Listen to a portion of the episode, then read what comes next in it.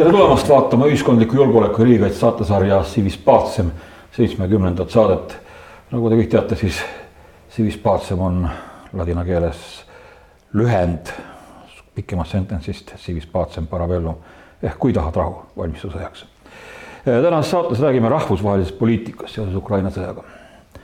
räägime agressiivsest Venemaast, liitlaste abile lootvast rahuarmastavast Eesti poliitikast räägime kaasaegse maailma asjadest meie ümber, otsides noh, selliseid vaatenurki, kuidas need asjad ja nähtused meie igapäevaelu ja, ja meie julgeolekut mõjutavad.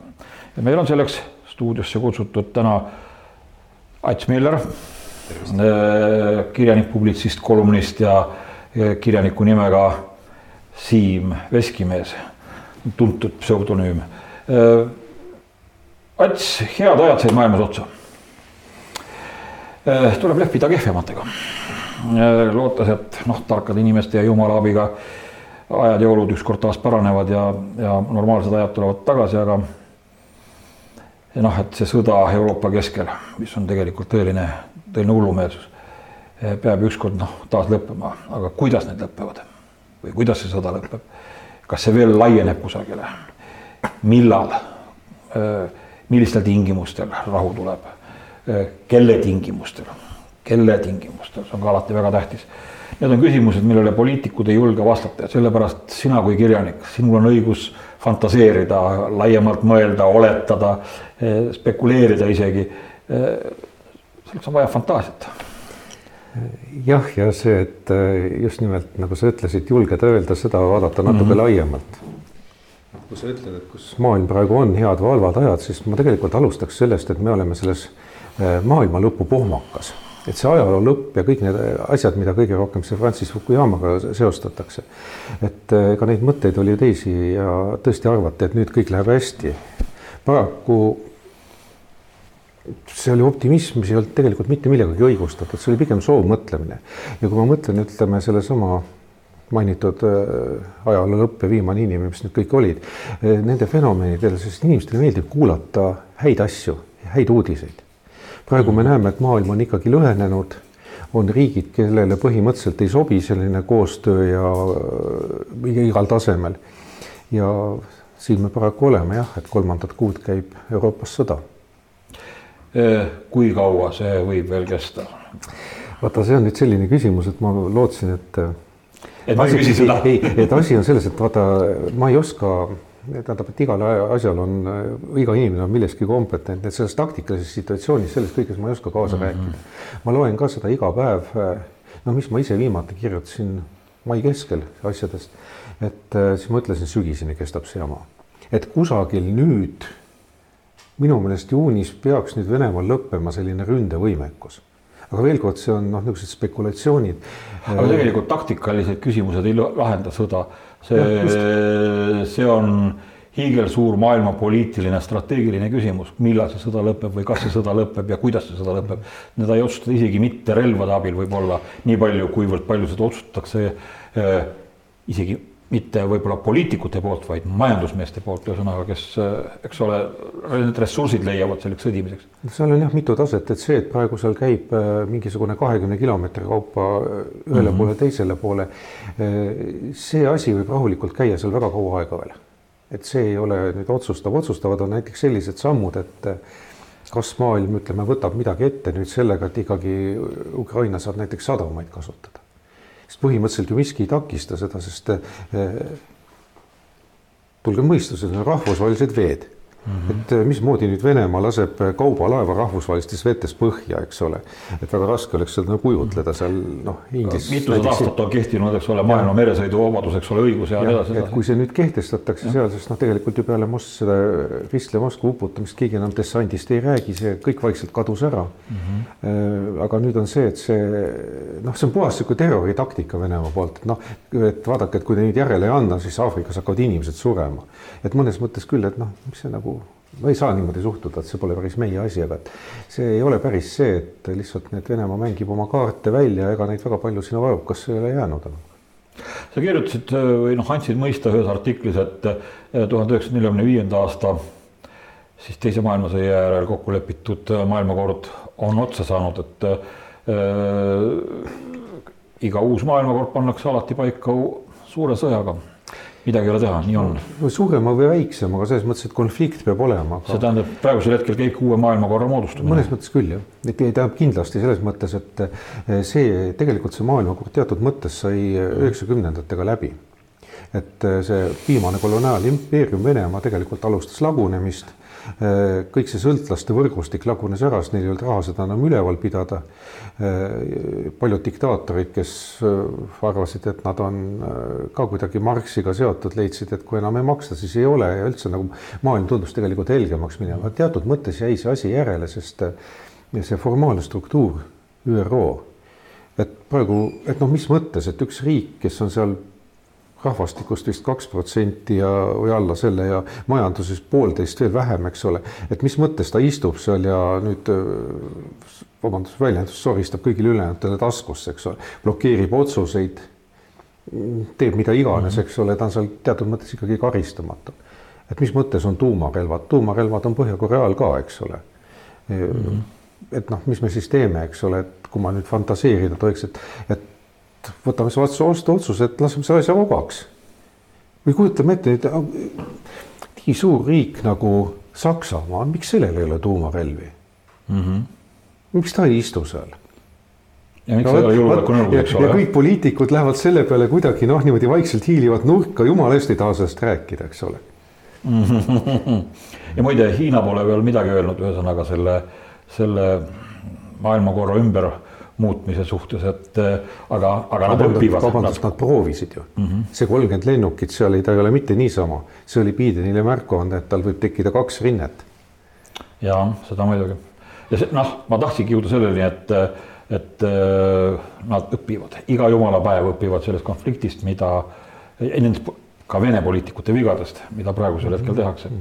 -hmm. sa vihjasid välispoliitikale, Saksamaa poliitika noh, millest me viimasel ajal ausalt öelda väga palju ei arva, sellepärast et nad, äh, Bundestag võtab vastu otsuse Ukrainat aidata ja siis äh, sotsist äh, kantsler Stolz, Scholz võtab lihtsalt ja peatab nende relvade voo või, või noh, mis iganes seal, eks ole. et väga naljakas. naljakas, aga teisest küljest ma ütleks jälle, et mida me ootasime. et me oleme siin mingisuguses tegelikult Euroopa vanad riigid ei ole aru saanud sellest, et asjad on muutunud. et see, et nad ei näe seda maailma laiemalt, et see, kui nad siin noh, see on nagu mingi koerakaklus mingisuguses suuremas mm., seda, kui hundid ümber aia vahivad mm., eks ole, ja nad ei saa aru, mis toimub et nende jaoks oli see Venemaal energiatarnija Ida-Euroopasse, nad on alati väga ülbelt suhtunud, nii Prantsusmaa, Saksamaa mm. Itaalia, kõik nad, eks ole. ja siis nende jaoks oli hästi mugav, eks ole, ja kui me jõuame lisaks majandusele ka sellele tänapäeva püramiidide ehitamise ehk rohepöördeni või maisikasvatus, mis iganes, eks ole, me seda nimetame. et siis see ju ka tegelikult äh, ei ole mingit rohepööret ju kunagi olnudki, see oli Vene gaas, eks ole, millega mm -hmm. tegeleti ja mida odavalt kätte sai, rohepesu on võib-olla niisugune parem nimetus selle asja kohta. ja mingis mõttes tuleb aru saada, et nüüd väga raske on seda tüüri pöörata, sest teatud mõttes ma saan ka neist aru või saab, me peame aru saama majanduslikest realiteetidest ja sellest, et eh, Venemaa on mängurikkuja Mm -hmm. et eh, ta muidugi Venemaa tegelikult eh, väga selgelt ju panustas sellele, et tal on energiamüük, energiakaart, eks ole, et noh, annavad andeks et see on mingisugune teisejärguline Ukraina, et noh, neid ei loe ju keegi inimesteks, eks ole mm. -hmm. et noh, meie ei loe, ehk nad ka ei loe, no tegelikult ainult nad ei arvestanud seda määra, et noh, et tegelikult kõigis nendes riikides ka ikkagi rahvas arvas, et ukrainlased siiski on inimesed, et nendega ei tohi niimoodi käituda mm. -hmm. ja selles mõttes praegu nagu poliitikud on natuke nagu lollis olukorras, et kõik arvestused, et noh, noh jah, seesama Scholz, eks noh, ei ole Moskvast luba saanud, noh, ei noh, mis teha, eks ole mm -hmm.. peremehed on teised muide, äh, räägime sellest Venemaa suurusest, et noh, Venemaad kardetakse hirmsalt. kaardi peal on ta hirmus suur, tõepoolest mm -hmm. vaadatakse, püha taevas, maailma kõige suurem riik. kuidas vanasti öeldi, et, et nõukogude ajal öeldi, et üks kuuendik planeedist mm. laul oli isegi olemas, et planeete või kuidas see oli, et noh, praegu ta on vist üks kaheksandik äh, või midagi sellist, ühesõnaga üks koma kaks. Äh, tegelikult see on siis selle kuulsa mm, Gerardus Mercatori projektsioon, mis on pärit tuhande viiesaja kuuekümne üheksandast aastast ehk siis kuueteistkümnendast sajandist. ühesõnaga, et nende kaartide peal, kus on siis sellise mm, silindrilises mõõtmes jah, et ühesõnaga. ta tõmbab polaaralad hästi suureks. et siis ta tegelikult on ta noh, läänepoolsest Aafrika, Põhja-Aafrika kaldast kuni ütleme siis Araabia poolsaareni. ütleme, kui ta nüüd sinna kusagile lõuna poole viia oma suuruselt. muide, ma ise kirjutasin kahe tuhande neljateistkümnendal aastal pärast noh, Donbassi sõja algust, pärast esimest Ukraina sõja algust, siis või selle esimese faasi algust, et ühest, ühe artikli, mille ma avaldasin ainult Facebookis, Delfi Eh, helistas mulle, tahtis, tahtis seda avaldada. Eh, kuna ma ei olnud väga vaimustunud, noh Delfis, siis ma, ma ei lubanud neile seda. ühesõnaga kirjutasin selle artikli. Eh, riikide suuruse tegelikult ju määrab elanikkonna arv, töökohti hulk, töökäte, töökäte kvaliteet, sellest noh, tuleneb siis teaduse ja, ja tööstuse võimekus. kilomeetrid mida me kaardi peal näeme, ruutkilomeetrid, see on ju ainult transpordikulu tegelikult, ühesõnaga see on, see on, see on see, mis tuleb välja maksta, ühesõnaga mitte see, mis sisse toob ja Pakistan, isik ja Pakistan, mida me kaardi pealt vaatame, on rahvaarvult suurem kui Venemaa. Venemaa ei ole mitte midagi muud kui põhjapoolne, põhjamaise kliimaga Nigeeria ta on Nigeeriaga ühe suurune, keegi ei räägi, et Pakistan on suur riik, keegi ei räägi, et Nigeeria on suur riik. muide, jaapanlased on peaaegu sama suur rahvas kui eh, Venemaa, sada kakskümmend miljonit, kui ma ei eksi, eks ole. natuke üle saja kahekümne. eks ole, noh ja venelased on sada nelikümmend miljonit, eks ole, nojah, kui seal on väike vahe, aga sellegipoolest. keegi ei räägi, et Jaap-, enam peale teist maailmasõda, et Jaapan on suurriik, Jaapan on gigant võrreldes Venemaaga, teaduslikus, tehnilises, ühesõnaga igas selles mõttes mm. -hmm. nii, aga Venemaa kohta öeldakse, et suurriik, oo, ainult tuumarelvad löövad või mm.? paraku on see kõige tähtsam asi jah meie maailmas, sest tuumapotentsiaali nad on suutnud hoida. jumala eest, ma ei tea, palju neist lõpuks tööle hakkab, et võib-olla on sama lugu nagu kõigi tankide, kõige muuga, eks ole, et äh, osa teevad seal sahtlis sossi ja ongi kõik, eks ole, no jumal tänatud, aga noh, ei taha järgi proovima hakata. teine asi muide Venemaaga on veel paar asja, et äh, tea, oled sa Kanadas käinud, näiteks minul oli see kogemus, eriti veel äh, Seattle'i kaudu minnes mm, -hmm. et Ameerika hakkab siukseks noh, rahvast enam ei ole nagu sihuke, kõik hakkab ära lõppema, sihuke ääremaa ja siis on piir ja siis on kogu Kanada on seal vastas, eks ole. et Kanada on ju tegelikult ka sihuke pisikene nagu sihuke noh, nagu kaks kulpi vartpidi kokku pandud, üks tutt ühes otsas, teine teises nurgas, siis ribapiki piir ja siis on kõik, eks ole. Venemaa on mm -hmm. üks kulp, et see Euroopa osa ja siis on pikki Hiina piiri et tegelikult seal kaugemal ei ole ma olen teeninud taas poolteist aastat jah, ja eriti vaat noh, nende raudteede kõigega on näha, et see tegelikult see Põhjala ei loe midagi mm. -hmm. aga mis seal on Venemaal muidugi jah, sellega on harjutud, et see on suur riik ja see on suur võim ja tegelikult palju ei ole ka ju käitumisest. palju sa sõjalised äh, kulutused on, palju sa sellesse üldse panustad ja noh, lihtsalt noh, see on nagu kvartal, see on kaubakas, eks ole mm. -hmm. ta võib-olla ei ole väga ohtlik, noh, reaalselt, aga ikkagi noh, keegi ei taha temaga tegeleda. ja ikkagi tuleb kallale, noh, iga, iga näda, eks ole, kuigi tast noh, võib-olla ei olegi nii palju jõudu. ja praegu lihtsalt tuli see väga selgelt välja, eks ole, et tiiger oli paberist. ja noh, mis seal oli, et venelaste sõjalised kulustused muidugi on väga suured, eks ole, ikkagi võrreldes teiste riikidega. aga jumal tänatud, et Venemaa on Venemaa ehk poolsest rahast vähemasti varastati ära Mm -hmm. tõepoolest, eh, ma tahaks võib-olla öelda seda, mis praegu Ukrainas toimub, et miks ikkagi venelased veel võitlevad, kuigi me oleme nüüd öelnud, et nende armee ei kõlba kuhugi, et tegelikult ikkagi neil, eks seda tehnikat ja kõike on.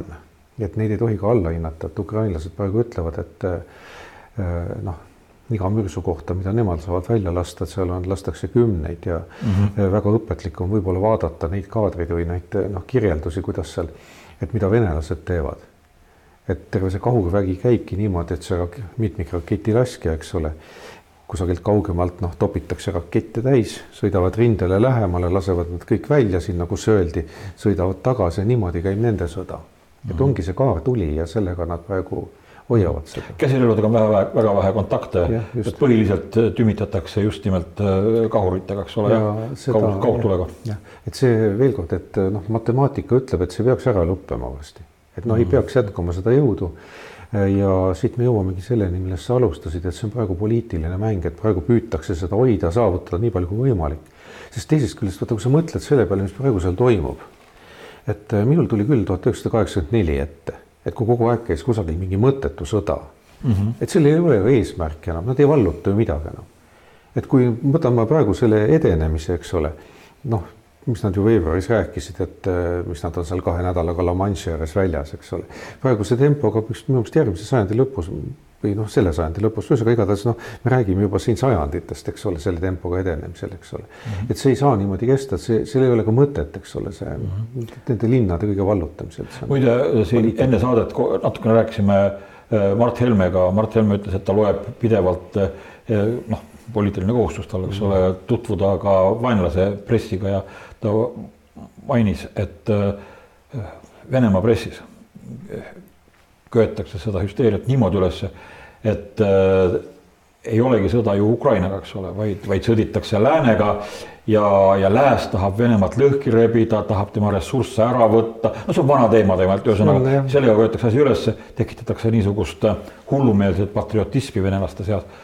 tegelikult see on ju päris tõsine asi, nad valmistavadki niimoodi mobilisatsiooni, mobilisatsiooniks ette, mida nad praegu veel ei julge läbi viia, aga võib-olla paari kuu pärast juba julgevad seda tsirkust ma tegelikult tahaksin näha. et vot see on üks asi, millesse mul on ajapikku nagu usk ära kadunud mm. -hmm. et ähm, korrates jälle neid, allikat täpselt ei mäleta, keegi jälle nüüd ütles, et Venemaa on nagu alati võitnud sellega, et neil on tohutult inimressurssi, mida lihtsalt maha tappa Mm -hmm. ja siis on tohutult mingeid igasuguseid muid asju kogutud, mida nad ei loe, et kuidas elanikkond hakkama saab, sellest ei hooli keegi.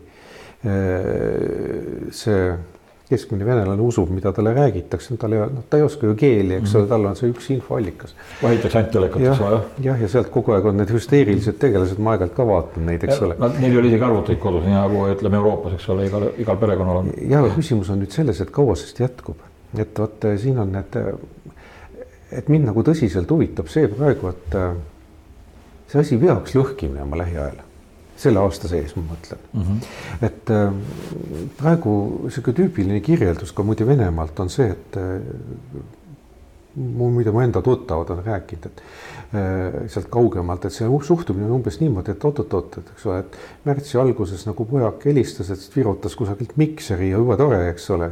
ja nüüd juba teist kuud ei võta telefoni.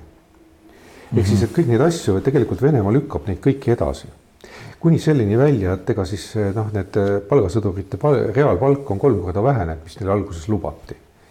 Eh, neid numbreid on huvi, mida on pressis mm, -hmm. ma, minu meelest oli seal Vene rublades, et see algne lubadus oli mingisuguse kahesaja tuhande juures ja üle kahesaja tuhande ja nüüd on see langenud mingi seitsmekümneni umbes mm. -hmm. ja kõik ka need on, kes on langenud ka ametlikult, eks ole, et ega neile midagi välja ei maksta et seda raha ei ole, sellega ei ole arvestatud et tegelikult võib-olla kõik see paha meil alles kogub ja siin, kui vaadata seda, eks ole, et mis on, kui suured vahed on näiteks Moskva, Peterburi ja mingisugune Burjati või kus need põhiliselt olid, seal on kaheksakümmend mm. korda nende langenute arvad, arvud ka ametlikult, mis on näidatud. et mm -hmm. ühel hetkel peaks ka nendel inimestel, tegelikult nad tekitavad omale ka sellist noh, siseriiklikult ühte järgmist pommi Mm -hmm. sest noh, need inimesed, neist ei loe, seal muide ju, need on ju piirkonnad tegelikult, kus isegi vist minu meelest ei viida valimisi läbi. tegelikult kirjutavad kohe tulemused valmis, et noh. Youtube'ist keegi..., Youtube'ist ja. ma soovitaksin äh, meie saate vaatajatel otsida üles seal äh, täiesti vahvad dokumentaalfilmikesed, äh, mida Ukraina ajakirjanikud, need ka muide Vene enda mhm. ajakirjanikud, Jakuutiast, eluoludest Jakuutias, eluoludest Tuvas, eluoludest Burjatias, sealsamas Burjatias, muide, Tšita, kus mina teenisin, oli Burjatias ja ma vaatan neid filme, olukord ei ole seitsmekümnendatest aastatest noh, peaaegu muutunud, tähendab samasugune ausalt öelda jumalast unustatud solgiauk, nagu ta oli, selliseks ta ongi jäänud. Seal muide see samal teemal, tead, huvitav oli või tähendab, minu jaoks oli ka teatud mõttes ikkagi šokk, no ei ole Venemaaga nii mhm. kursis, et mina olin Vene sõjaväes kakskümmend kaks, kakskümmend neli. Ja siis, kui ma kuulsin nendest äh, maastikuautode, nendest automaatsest rõhu, rehvirõhu reguleerimise probleemidest, elde jumal, nelikümmend aastat on möödas, nad on ikka selle probleemi otsas hunnikus mm. -hmm. et tollal nende kohta ju öeldi, et noh, rõhu nad lasevad välja, aga noh, tagasi ei saa, et aga jumala eest puudu seda seadet. ja siis sa näed, et veoauto on tühjade rehvidega, eks ole, et no täpselt see, eks ole. ja seesama tehnika, see kõik, mis neil on, see on äratuntav, et noh Nad võitlevadki sellega, aga tegelikult Iraagi sõjad ju näitasid, et sellega ei jõua kuhugi. et see on, see on inimeste, oma inimeste tapmine, eks ole. seesama, vaata noh, me jällegi läheme niisugustesse veidratesse asjadesse, aga et need veidrad puurid, mis on tankide peale tekkinud mm. -hmm. et kas nad, kas keegi nagu selle peale mõtles, et sa ei saa sealt tankist välja, kui see põlema läheb. et siin, seal sa oled ja sinna sa jääd, kui see seal peal on eks ole, aga mhm. noh, veel kord, ega seal Vene tankis muidugi elulootust ei olegi, sest noh, äh, vist rekord oli see, et torn lendas kaheksa sekundit. Mingi videot ma nägin, et see oli rekord, et mis tähendab seda, et noh, seal ei ole sees midagi järgi veel, niisugust mhm. detonatsiooni. Sellest kirjutataksegi, et, et äh, mindi vaatama, no mis sinna meestest järele või meeskonnast järele jäi, aga tegelikult ei ole, see on niimoodi, et võtta lapp, niisugune rasvane tahm on ainult jääb lapi peale ühesõnaga. seda valgevenelased ütlevad, et osa, mis tulevad neile remonti, et sees on ainult sihuke, et jah, et lapiga võtad need mm -hmm. eelmise mehe, esimehe, eelmine mees niimoodi kraavitakse maha, eks ole sealt. Äh, Valgevene on veel omaette teema, aga põhimõtteliselt on see, et venelased praegu teevad tegelikult enda jaoks suhteliselt kohutavat asja. et äh, Venemaal oli võimalus ja me saame, ma tegelikult nüüd õigustaks ka neid lääne suhtumist, eriti Euroopa riikide suhtumist, et nad lootsid, et Venemaa lähebki sellist noh, Saudi Araabia, isegi võib-olla Iraan, mingit sihukeste Pakistan, kasvõi nende riikide teed. et on üks tooraineallikas noh, ise nad, jah, et jube korrumpeerunud äh,, aeg-ajalt sigatseb naabrite kallal mingid relvastused, mingid konfliktid, aga noh, kuni meieni jõuavad, las nad seal sigatsevad omaette, eks ole, et ju see on nende rahvuslik omapära, eks ole, et noh, Lõuna-Ameerikas on riigipöörded, eks ole. Meil on siin lõputu vaidlus mingite, millegi üle, meie tegeleme rohepöördega, eks ole, las nad seal kaklevad omavahel, eks ole. aga paraku jah, need plaanid kõik läksid vett vedama. Ja nüüd on see, et nüüd tuleb Venemaaga midagi ette võtta. ja kõige hullem on see, et võib-olla mida praegu nagu me räägime, et need äh, kõik need sanktsioonid ei ole piisavad ja ikkagi me maksame neile kõige eest. vot see ongi see, et äh, ma jälle teistpidi ütleks, et et need otsused on tehtud kümme või võib-olla ka kakskümmend aastat tagasi Mm -hmm. et mõnes mõttes noh, inimlikul tasemel ma ütlen ka, et tegelikult on see suur sigadus, eks ole, et noh, kui palju makstakse Venemaale praegu ja kui palju sa nüüd aitad, eks ole, see ei ole võrreldav, et Venemaale sa maksad ju palju rohkem, see kõik läheb sõja toetamiseks, eks ole. Aga me peame ka teistpidi mõtlema selle peale, et äh, Venemaa praegu lõikas ennast nii-öelda maailmast välja. ise omaenda kätega. et kui ka need äh, sanktsioonid tulevad aasta lõpuks alles, et äh, ega neid ju siis päevapealt ei taandu mis tähendab seda, et noh, et umbes nii, et nüüd Venemaalt, eks ole, näed, kaotas võib-olla isegi kõige parematel tingimustel nagu lääne jaoks, et aga, et aga meil on juba kõik lepingud tehtud. meil ei ole vaja enam teie gaasi ega naftat. See jälle võtab väga pikka aega, enne kui üldse sealt tulema hakkab ja keegi ei usalda seda, usaldus on kord kadunud, siis ta ei teki enam et äh, ma võtaks natukene ka seda kujundit, et see Saksamaad ja kõik teised, et need on nagu suured laevad, et need, need üritatakse pöörata mm. -hmm. et muidugi see on äh, noh, ma ei hinda kõrgelt neid inimesi, et, et no kuidas noh, nende riikide juhtidel, kuidas nagu aru ei saa, et mis mõtet on rääkida selle Putiniga selle, et äh, Butleri või mis mm -hmm. Sauroniga, ükskõik, eks ole, et noh sealt ei tule midagi, eks ole, sa teed ennast lolliks, eks ole, sa hoiad mingit rumalat lootust üleval, miks sa seda teed, eks ole. et pildil olla, poliitilisel pildil olla, teleekraanil olla. jah, aga ühel päeval ikkagi valijad ei anna seda andeks, et ma ei tea, kas nad sellest ei saa aru. et ega siis inimesed ikkagi praegu näevad äh, seda, et äh, näevad sõjakuritegusid, näevad Ukraina naisi-lapsi suremas, et see, see kujutluspilt ei kao niipea ära, see on terves põlvkonnas meil nüüd sees ja selles mõttes ka, see on ka üks nendest asjadest, mis Venemaa praegu teeb, et mõnes mõttes on see nagu kahju, et Venemaa selle tee valis. et palju toredam oleks, kui nad oleks mm -hmm. ikkagi inimeste hulka tulnud. no tegelikult on küll niimoodi, et, et ükskõik mis ja ükskõik kuidas, kui ka Venemaa selle sõja kaotab, laguneb, ma ei tea, millisteks osadeks, mis iganes, siis tegelikult ju Venemaa kohale musta auku ei teki.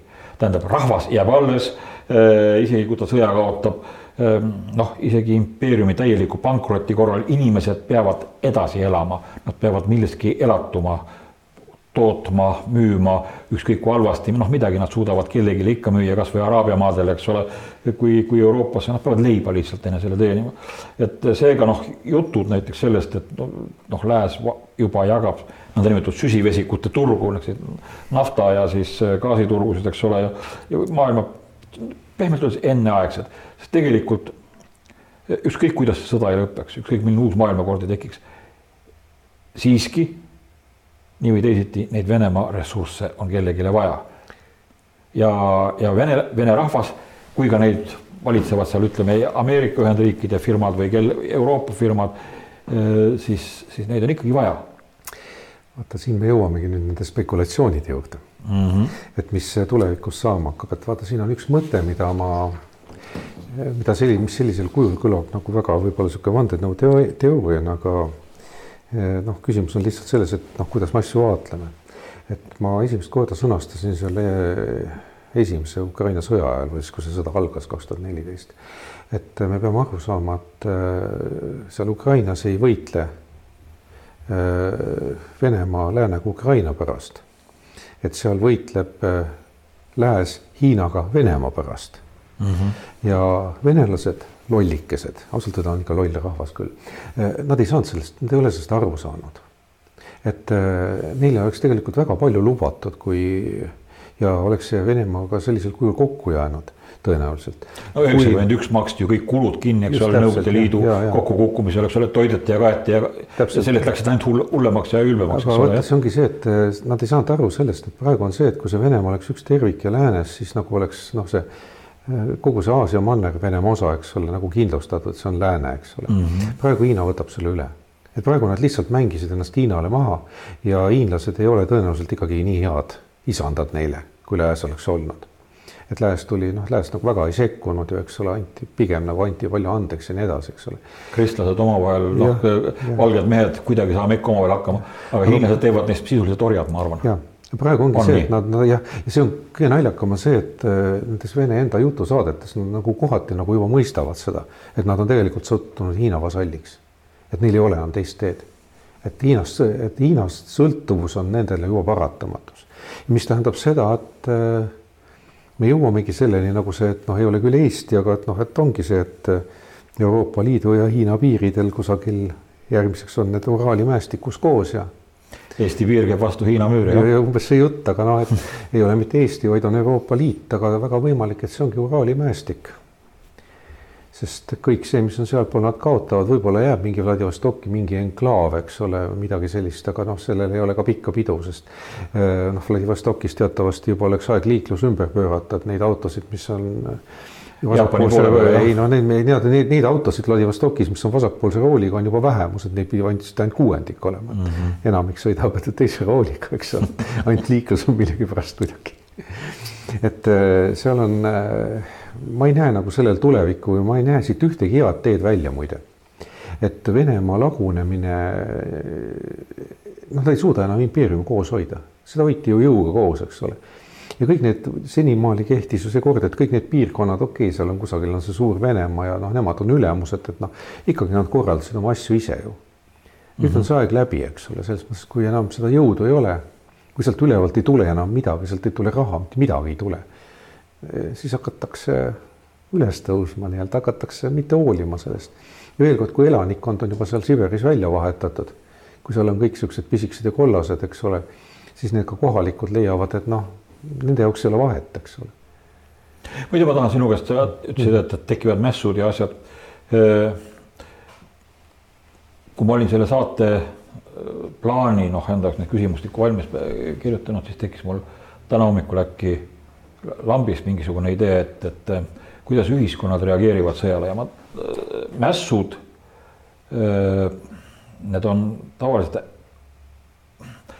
tuletame nüüd meelde, mis, mis sai peale tuhande üheksasaja seitsmeteistkümnendat aastat Venemaal, kui brutaalne ja kui jõle see kõik oli, mis toimuma hakkas. ma siin mõni päev tagasi just vaatasin ühte dokumentaalfilmi Venemaa kõige kuulsamatest naistšekistide äh, sadismist, ühesõnaga, ja see oli, see oli tõeliselt õõvastav asi. Mehed ei ole kunagi nii, nii, nii koledate kommetega kui, kui, kui need naistšekistid, seal olid seal igasugused Anka Pulemetšitsad ja kes nad seal kõik olid. et ähm, kuidas ühiskonnad sõjaga seoses harjuvad vägivallaga? Ja see käib tavaliselt step by step nii vaikselt, et mitte keegi seda ausalt öelda isegi tähele ei pane ja ühel hetkel on terve ühiskond loomastunud. Ühesõnaga inimese elu ei maksa enam mitte midagi, pannakse noh hulkadena seina äärde, tõmmatakse kuulipildudega tuli peale. mingisugune komissar röögib, et rastreljet, rastreljet, ubit, ubit. Vene kõige kuulsama mehe Vladimir Lenini teosed on täis tsitaate tappa, maha lasta ja nii edasi ja nii edasi. uskumatu. noh, jah, siit me jõuame spekulatsioonideni, mida jah, eriti läänes ei taheta tunnistada, eestlane veel nagu saab aru, et noh, tegelikult see on see, et noh, see Mongoli vallutus ja kakssada aastat seda võimu ja kõik see, eks ole, et eks on oma jälje jätnud. ja midagi ei ole teha, eks ole, et see, seda praegu köetakse, eks ole, sellest rahvad saavad üle. et võtame sellesama Euroopa siin, eks ole, et mm -hmm. ega siis Franco diktatuuri ajal Hispaanias ka midagi väga ilusat ei olnud, aga noh, nad said sellest üle, nad lihtsalt ega Venemaa ei ole ka lootusetu. ainult et siin ongi küsimus selles, et ähm, mis sellest riigist saab niimoodi, no mitte kiiresti, ikkagi kümne, kahekümne, kolmekümne aasta perspektiivis. et ähm, maailmal oleks muidugi kõige parem, kui see lagunekski tükkideks, niisugusteks noh, Euroopa riigi suurusteks tükkideks. siis saaks neid ükshaaval hakata siin niimoodi tsiviliseerima ja võtta üle, aga sul on kahjuks õigus, et äh, suur osa neist loomastub sellele tasemele, nagu sa praegu kirjeldasid ja see on väga ebameeldiv pilt. teisest otsast hakkab Hiina muide tulema. ma tahtsingi sinna jõuda, et siis hakkab Hiina neid tükikesi võtma. võib-olla, et Venemaa ainukeseks variandiks oleks see, kui ühel päeval lihtsalt lepitakse vaikselt salaja Ameerika Ühendriikidega ja ma ei tea, NATO-ga kokku, et me anname alla ja, ja selleks hetkeks on NATO-l juba sõjaväekolonnid valmis, mis kihutavad esimese asjana kohe Hiina piirile. no vot, siin ongi see lugu, et äh, seda kõike, mida sa räägid teatud mõttes, filosoofilises mõttes mm -hmm ju vaikselt on loodetud üheksakümnenda, üheksakümne esimesest aastast peale, kui Nõukogude Liit lagunes. et noh, meil on võimalik mõistlikud kokkulepped, et ja nii edasi, et paraku Venemaa valis teise tee. ja ma ei, isegi ütleks, et võib-olla mitte Venemaa, vaid valis üks väike seltskond, endised KGB-did, eks ole. et kui me võtame sellesama Putin ja kelle kohta siin palju ka Gorbatšovi kohta omal ajal, et tasub lugeda nende perekonna ajalugu, kõike seda mm. -hmm. Nad ei ole mitte esimest põlve nuhid. Nad on võib-olla kolmandat, neljandat, viiendat põlve nuhid. Nad ei ole muud teinud, kui see no juba, nad on juba arenenud lihtsalt noh, teiste. no jah, sigatsemise, sigatsejad. jah, et äh, sellistele rahvastele või sellisel mõtteviisil ei ole tulevikku. Et ma veel kord ütleks, et vaat me peame aru saama, et siin äh, vene inimesi on väga erinevaid. parem osa neist elab ammu juba Californias. ja mm -hmm. neid läheb ka praegu sinna muide ja ka Eestisse neid tuleb igalt poolt, eks ole. et see meile kui rahvale, see ei ole hea, et neid siia nii palju tuleb, aga me peame aru saama, et see on teatud mõttes ikkagi nagu parem osa neist et samamoodi ma ei suuda nagu aru saada sellest, et äh, keegi tõstab selle Vene sõjaväe pensionäride probleemi veel püsti, eks ole. kuulge, need mehed tulid, kõige nooremad olid nad nelikümmend viis, kes pensionile jäid, nad on üle seitsmekümne kõik, et unustage ära, need ei ole enam mingi oht, eks ole. ja selle kohta ma ütleks ka, et noh, ärme teeme nagu valest, noh, ärme augume vale puu all, eks ole Mm -hmm. et äh, pigem on juttu sellest, et äh, nagu kaks tuhat seitse avastasime, et tegelikult Vene eriteenistused valmistavad siin ette seda viiendat kolonni ja valmistavad täiesti teadlikult. mille kohta meie kaitsepolitsei ütlevad, viiendat kolonni Eestis ei ole noh, see on jälle selline, et no kellele sa seda noh, jutuks hea küll, et no kellele mm. seda räägid, et, et eh, minu meelest on ka see eestlaste üks viga on see, et me oleme võtnud üle sellise teatud sellise silmakirjalikkuse mm. -hmm. ja see on ka muide lääne ühiskondade viga, et valitsused on silmakirjalikud. ja minu meelest on nagu selle kogu selle rahva teenimise idee noh, täiesti vastand, eks ole, et et halloo, et sind ei ole pandud valitsejaks, sind on pandud rahvateeneriks, eks ole, et kust tuleb see mõtteviis, et ma olen korraga nagu jumalast valitud, eks ole, ja ma võin nüüd endale lubada teile, alamad, valetada mm. -hmm ja tegelikult me näeme seda Euroopas, see on tegelikult seesama asjade taga, et noh, miks seesama, eks ole, et saksa rahvas nagu tahaks aidata ja siis istuvad neil parlamendis tropid muide, parlament ei ole süüdi, parlament võttis otsuse õige vastu. no, valitsus, on valitsus, valitsus, kes, kes hakkas. et veel kord, et need on tegelased, kes on noh, me saame võib-olla kunagi teada, kui sügavalt nad on korrumpeerunud. ega neid asjata sinna vere, Vene firmadesse võetud neil on siiamaale niisugune kujutlus, et noh, kõik läheb edasi, et võib-olla saab kuidagi mm -hmm. nagu selle asja ära siluda. et vot see ongi see, et miks nad, mis on see kõige hullem, et ei saada aru, et vot need tegelased ka ei saa aru, et maailmakord on muutunud hoitakse hammastega taburetist kinni, eks ole, jah. et see on seesama, et noh, see kaheksakümmend aastat, eks ole, et sul on teise maailmasõja lõpu kokkulepped, mida seal Jaltas ja Teheranis sõlmiti. et võib-olla oleks aeg need ümber vaadata, et noh, isegi, et noh, keskaeg sai läbi, vanaaeg sai läbi, et noh, noh ja nüüd me istume mingisuguse noh, tööstusrevolutsiooni algsete kokkulepete otsas ja kuidagi nagu peame neid nii pühaks, et neid ei saa muuta mis tähendab julgeolekunõukogu, eks ole. kust tuleb see mõtteviis üldse, et seal peab need viis liiget, et need on sinna nüüd kleebitud ja kõik, eks ole mm. -hmm. et noh, maailmas on kõik, kõik on muutunud Brasiilia on suur riik, miks Brasiiliat seal ei ole, eks ole. Venemaa on, Venemaa on üheteistkümnendal kohal majanduse koguproduktist, eks ole.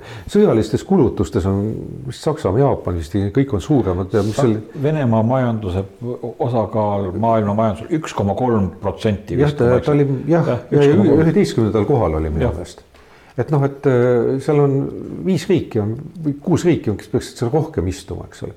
veel kord ka sõjalised kulutused, tuumarelv, kõik, kõik mm. vaatame, et majandusest me rääkisime, eks ole. Äh, me rääkisime rahvaarvust. Äh, sõjalised kulutused, seal oli siis Venemaa, eks ole, ka mitte esimese viie hulgas, eks ole.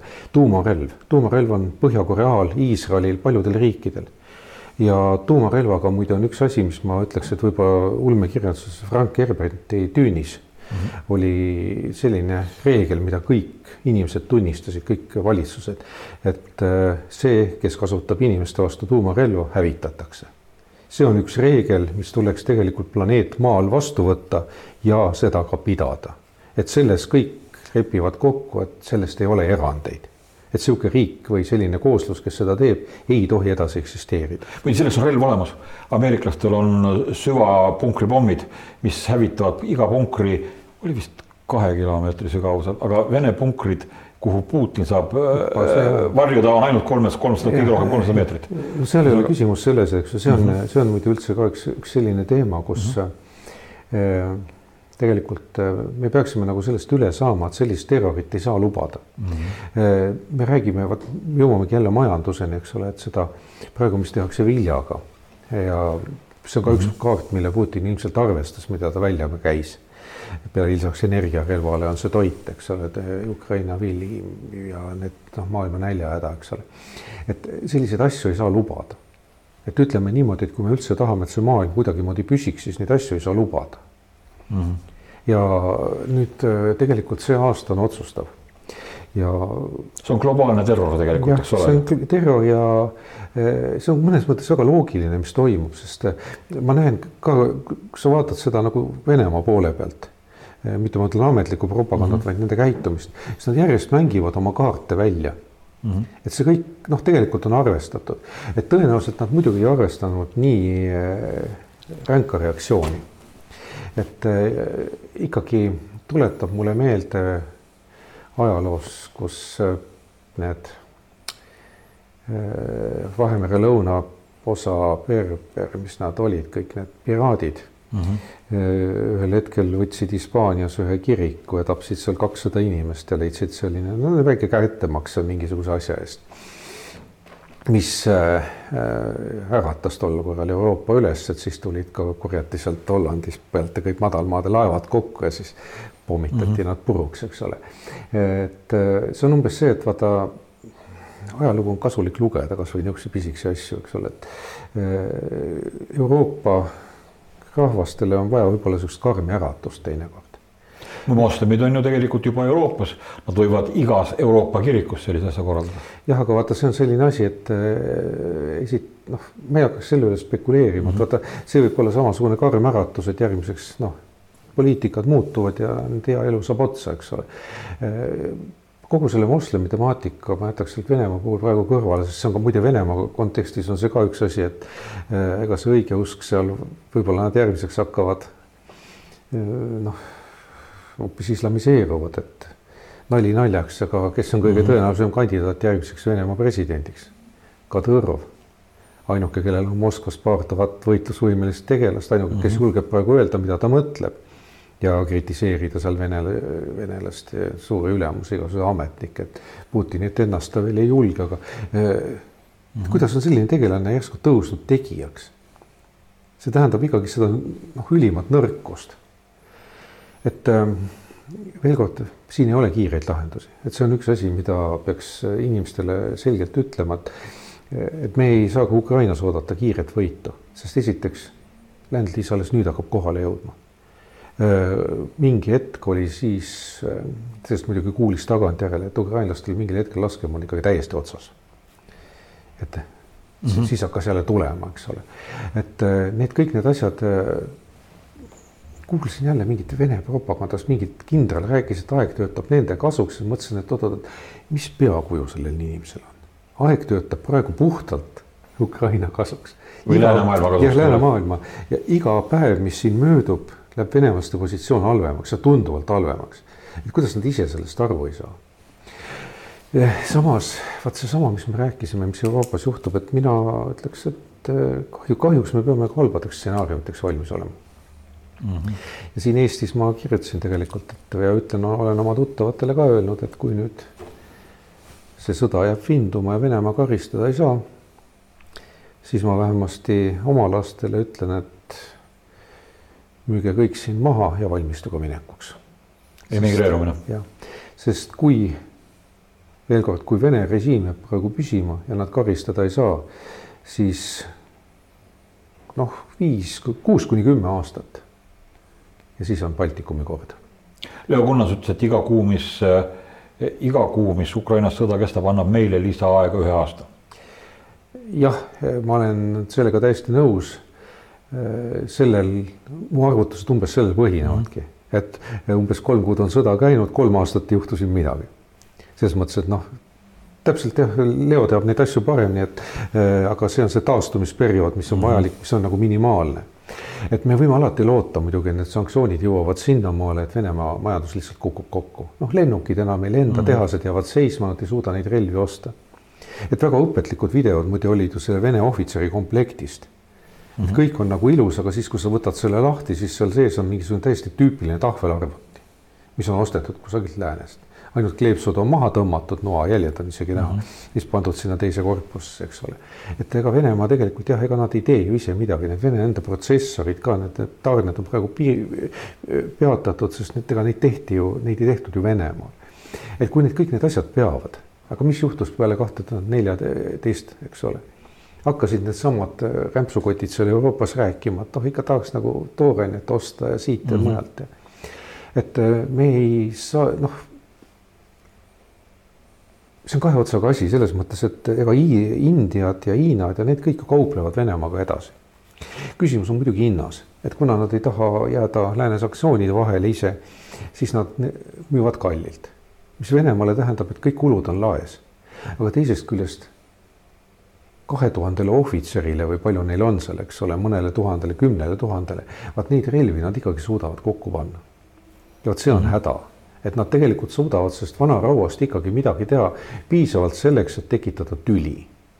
veel kord, ma loodan, et isegi. vastavad kodutehnikat ja võtavad sealt kiibid välja ja panevad relvadesse, eks ole. et ma loodan -hmm. küll, et isegi kui nüüd kuue-kümne aasta pärast Baltikumi järjekord tuleb, eks ole, ka kõige halvemal juhul, et siis on nad veel viletsamas seisus mm. -hmm. aga see tähendab ikkagi seda, et meil tuleb see jama üle elada. ja kui Venemaa tungiks siia, me oleme täpselt samas seisus et need seal läänes muudkui vaidlevad ja vaidlevad ja vaidlevad ja vaidlevad ja siis on mingid venelaste poolt kinni makstud või noh, ühel või teisel, teisel viisil tege-, kinni makstud tegelased, kes seal teevad oma lobi ja siis Mõju keegi arvab, jah, et jah, ja siis keegi arvab, et noh, ta saaks siit mängust nagu võita sellelt, et noh, ega me ei tea ju, muide, võttes, võtame sellesama Saksamaa, nende, tema poliitikat. ega ju raudselt kindel ei ole, et seal on otseselt Vene agentide mõju, seal võib olla puhtalt ka see, et nad tahavad ise rohkem võimu saada. sest nende mäng on olnud ju see, et me saame Venemaalt odavat energiat ja siis ameeriklased, et kui te tahate siin valitseda, et no siis makske kaitse eest, eks mm. ole, et me kulutame raha mujale, eks ole. et see on olnud niisugune nagu vastastikune sigatsemine, eks ole. et nad lihtsalt ei saa aru, et see mäng, noh, see on kaotusmäng ka neile, eks ole britid ei läinud Euroopa Liidust asjata välja, nad said aru, mis mängu Saksamaa mängib, neile ei meeldinud Saksamaa mäng üleüldse jah, et see, kas ühte või teisest, kolmandast otsast neid piirama, praegu me oleme ka sellised, et noh, eh, ma muidugi ei tea kõike, mis seal kabinettides toimub mm, -hmm. aga eh, noh, õiglane see ei ole. et kuidas Poolat kogu aeg ju survestati, eks ole, et noh, nüüd on Poola see, kes tegelikult kaitseb seda, on kogu surve enda peale võtnud, et kuidas meie saime siin rumalad baltlased ja russofoobid, eks ole, ja noh, noh, kuidas me ütleme, et äh, nüüd on see kord, kus peaks kogu aeg ütlema, et teie olite lollid, teie olite lollid, teie olete lollid, mis te siin ikka veel teete, eks ole, teie, teie lollusest praegu inimesed surevad, meie maksame selle eest, eks ole. aga me ei ole nagu siit, äh, noh, me ei pääse sellest, et see suhtumine, et no me oleme ikka nagu teist järgu inimesed ja see ei lähe niipea üle, ma kardan. Ja Eesti valitsus räägib meil ka sõjajuttu ja et sõja ajal ei tohi valitsust vahetada ja nii edasi ja nii edasi, niisugune teatud sõjahüsteeria käib ju meilgi siin. no vot, see ongi jälle, et äh, ma ei saa nüüd, ma olen niisugune saatana advokaat alati mm, -hmm. eks ole, ma püüan mõista nagu mõlemaid pooli või õigemini aru saada, kust see mõtteviis tuleb. et äh, kui me oleks siin päris sõjas, siis me räägiksime hoopis teisi asju mm.. et praegu tegelikult jah, tõesti Ukraina andis meile minimaalselt viis aastat. lisaaega. lisaaega. Äh, veel kord ka kõige halvemal juhul ikka enne viite aastat ikkagi väga väike on tõenäosus, et midagi toimub. aga nüüd on küsimus see, kas maailm jagatakse ümber või mitte. veel kord, kõige positiivsem stsenaarium on see ikkagi, kui Venemaa käib põhjast läbi. ja mis peale seda juhtub? vot siis on see, kas ta muutub äh, Hiina provintsiks või noh mm -hmm., kuidagi võetakse kadunud pojake tagasi.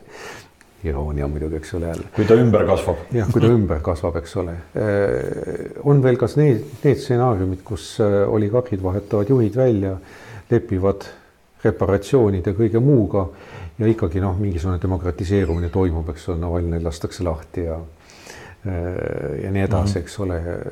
et noh, ka see oleks isegi parem võimalus, aga Putin on, Putin on juba läinud seal ei ole midagi. ma ei ütle nüüd, et noh, jälle mingi kõlakas oli siin paar päeva tagasi, et ta tegelikult juba surnud ja nii edasi. noh, nii hästi asjad kahjuks vist veel ei ole. Javlinski ennustas, et Venemaa muutub ainult natsionalistlikumaks, veel natsionalistlikumaks. jah, aga veel kord, äh, selleks ei ole jõudu neil.